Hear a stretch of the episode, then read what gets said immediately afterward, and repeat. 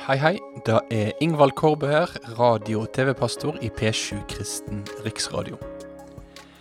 Velkommen til en ny podkastepisode av Ord til liv. Vi er midt inne i en serie om korset, og har sett på ulike sider ved korsets budskap i Bibelen. Sist stoppa vi opp for korsets gud, der jeg prøvde å understreke hvor viktig treenighetslæra faktisk er for at vi kan ha en rett forståelse av det som skjer på korset. I dag så går vi videre til det som er et av de aller mest sentrale aspektene ved Bibelens beskrivelse av Jesu død. Nemlig at Jesus døde for våre synder. I dag så skal vi se på det som har å gjøre med korsets straff. Så følg med videre i dagens episode.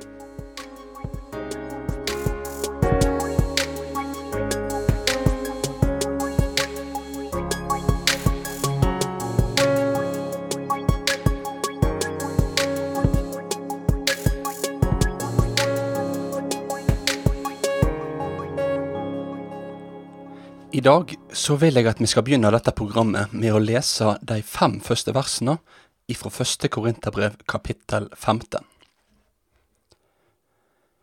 Jeg kunngjør dykk, søsken, det evangeliet som jeg forkynte dykk, som det òg tok imot, som det òg står støe i. Ved det blir det frelste, så sant det held fast på ordet slik jeg forkynte det for dykk, ellers blir det til inga nytte at det kom til trua.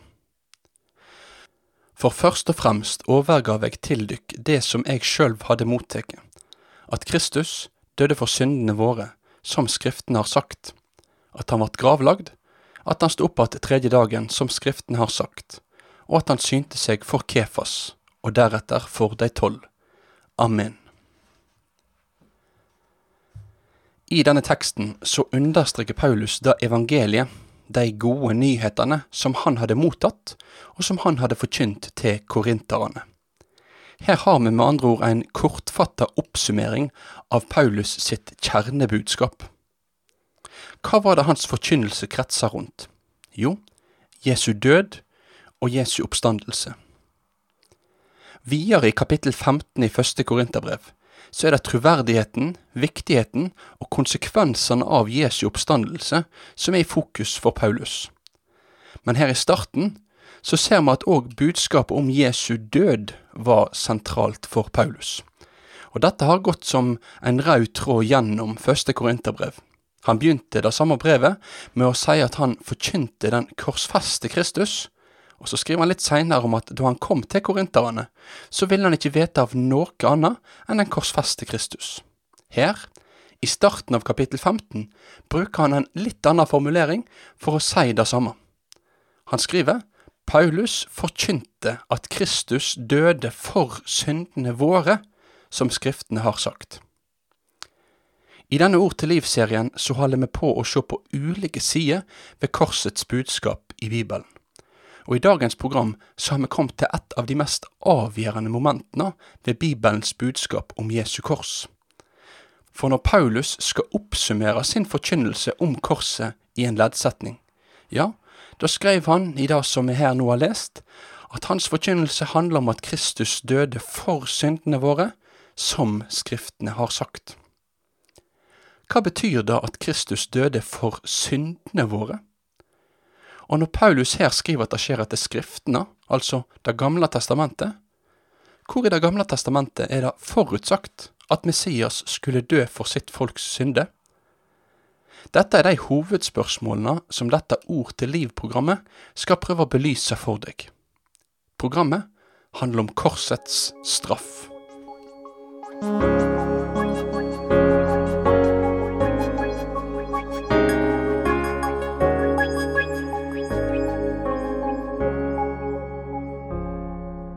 Gjennom Bibelen blir det tegnet opp en ordning for oss, der én person kommer inn og tar ansvaret for en annen person, eller for et folk. Det er noen som blir en annen person sin stedfortreder. En stedfortreder, det er en som skal utfylle funksjonen til en person, eller ta straffa for en person. Som bakgrunn for første Korinterbrev så er disse stedfortredertekstene i Gamle testamentet viktige. Og da er det spesielt én tekst i Jesaja 53 som jeg tror kan være med å belyse hva Paulus mener når han snakker om at Kristus døde for syndene våre. I Jesaja 53 så kan vi lese om en skikkelse som blir kalt for Herrens tjener. Det er den siste av fire tekster i Jesaja-boka som beskriver denne personen for oss. Og her, nå i denne fjerde teksten om Herrens tjener, så kan vi lese om at han som skulle komme, han skulle komme for å være stedfortrederen til folket sitt. Han skulle nemlig komme for å bli straffa i staden for folket. Han skulle komme for å lide i staden for folket. Han skulle komme og dø, sånn at folket kunne leve. Jesaja 53 beskriver for oss at når denne tjeneren skulle stå fram, så var det ikke sånn at folk rundt uten videre skulle forstå det han kom for å gjøre. De skulle ikke innsjå ved hans død at han døde fordi folket sine lovbrudd ramma han i deres stad.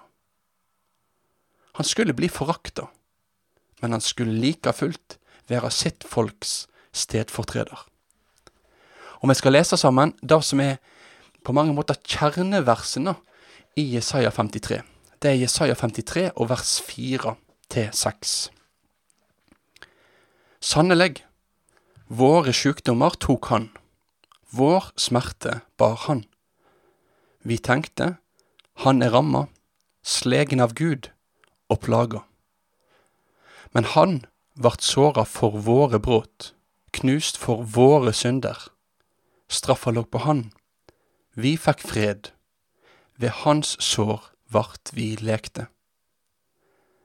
Vi gikk oss alle vill som sauer, kvar tok sin egen veg, men skulda vi alle hadde, let Herren ramme Han. Amen.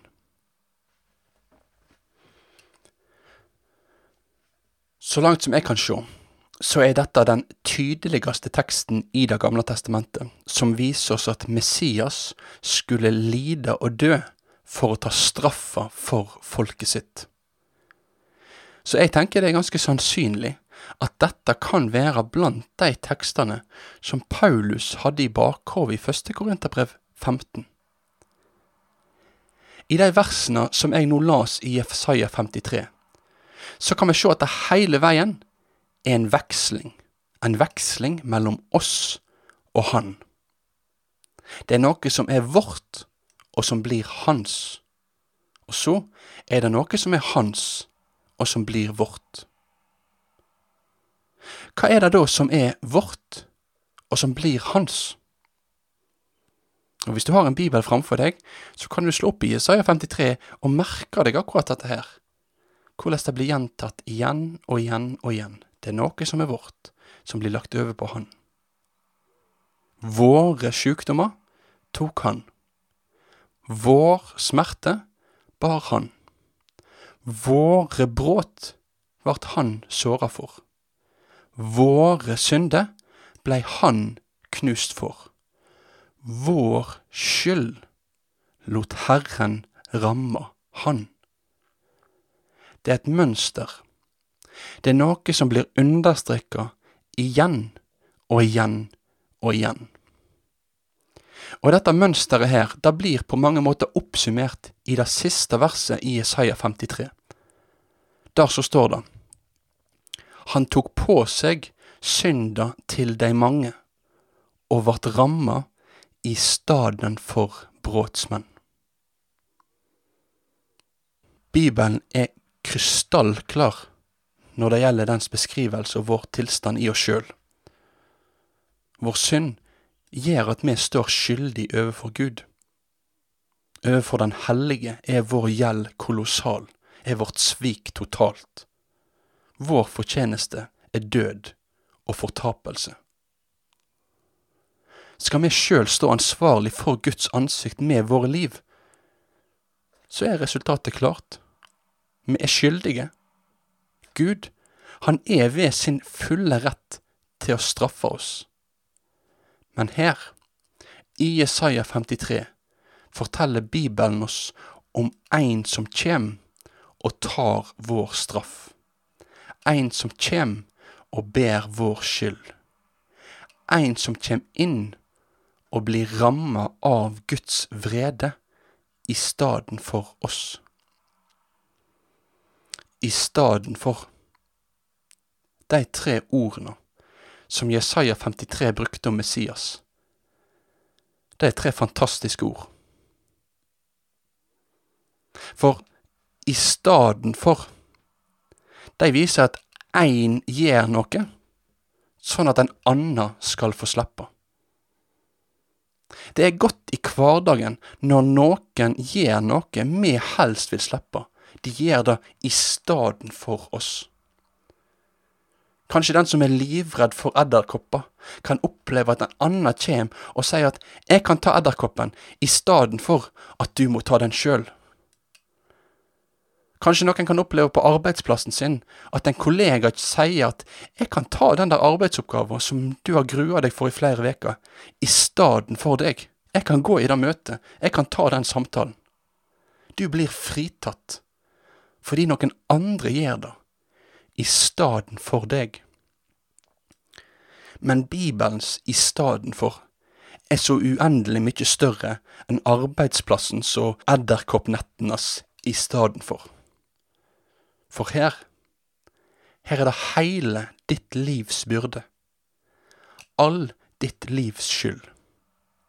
All synd som har hopa seg opp, og som kjem til å fortsette å hope seg opp i ditt liv fram til den dagen du skal møte Gud, din dommer, som Jesus kjem inn og sier, Jeg ber dette i staden for deg. I staden for at du skal bære denne børa, så ber jeg den. Så tar jeg den på meg.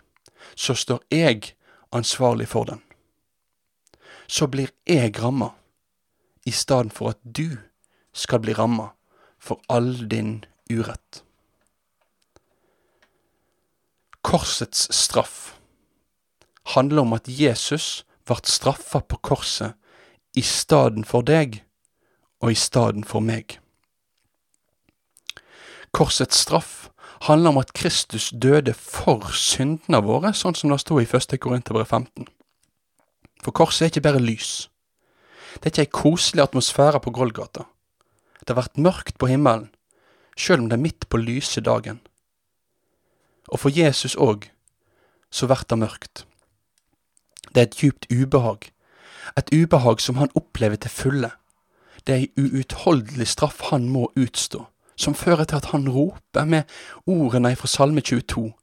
Min Gud, min Gud, hvorfor har du forlatt meg?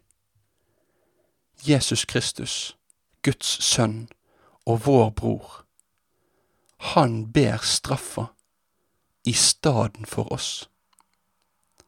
Han ber den gudsforlattheten som du og jeg fortjener fordi våre liv er på avveie bort fra Gud.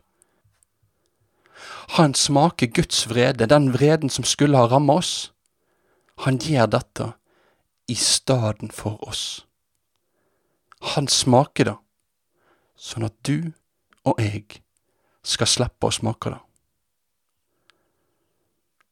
Den andre sida ved korsets straff, det er den at der straffa er betalt, der står den tiltalte igjen som fri. Derfor kunne Jesaja skrive, mange hundre år før Jesu fødsel, ikke bare at straffa vart lagt på han, men han kunne òg skrevet at vi fikk fred. Derfor vil jeg si til deg, det er ingenting som gjenstår, som ikke er gjort opp for i ditt menneskeliv. Lenge før vi ble født, og før vi så vår egen synd og hvem Jesus var, så gjorde Jesus opp for alt vårt svik. De straff rammer Jesus på korset, sånn at Gud nå er en forsona Gud. Så i dag òg så skal du få vende deg til Gud med din synd. Du skal få bekjenne den for Herren, og så skal du få tru at alle dine synder, de er sona, og de er forlatt i Jesus Kristus. 阿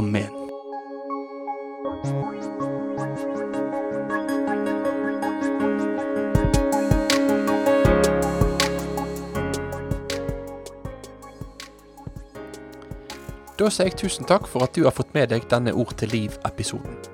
Jeg håper at den har fått være til klargjøring og til oppmuntring for deg. Fortsett gjerne å spre ord om P7 til enda flere, sånn at andre personer òg kan få høre de programmene som vi produserer.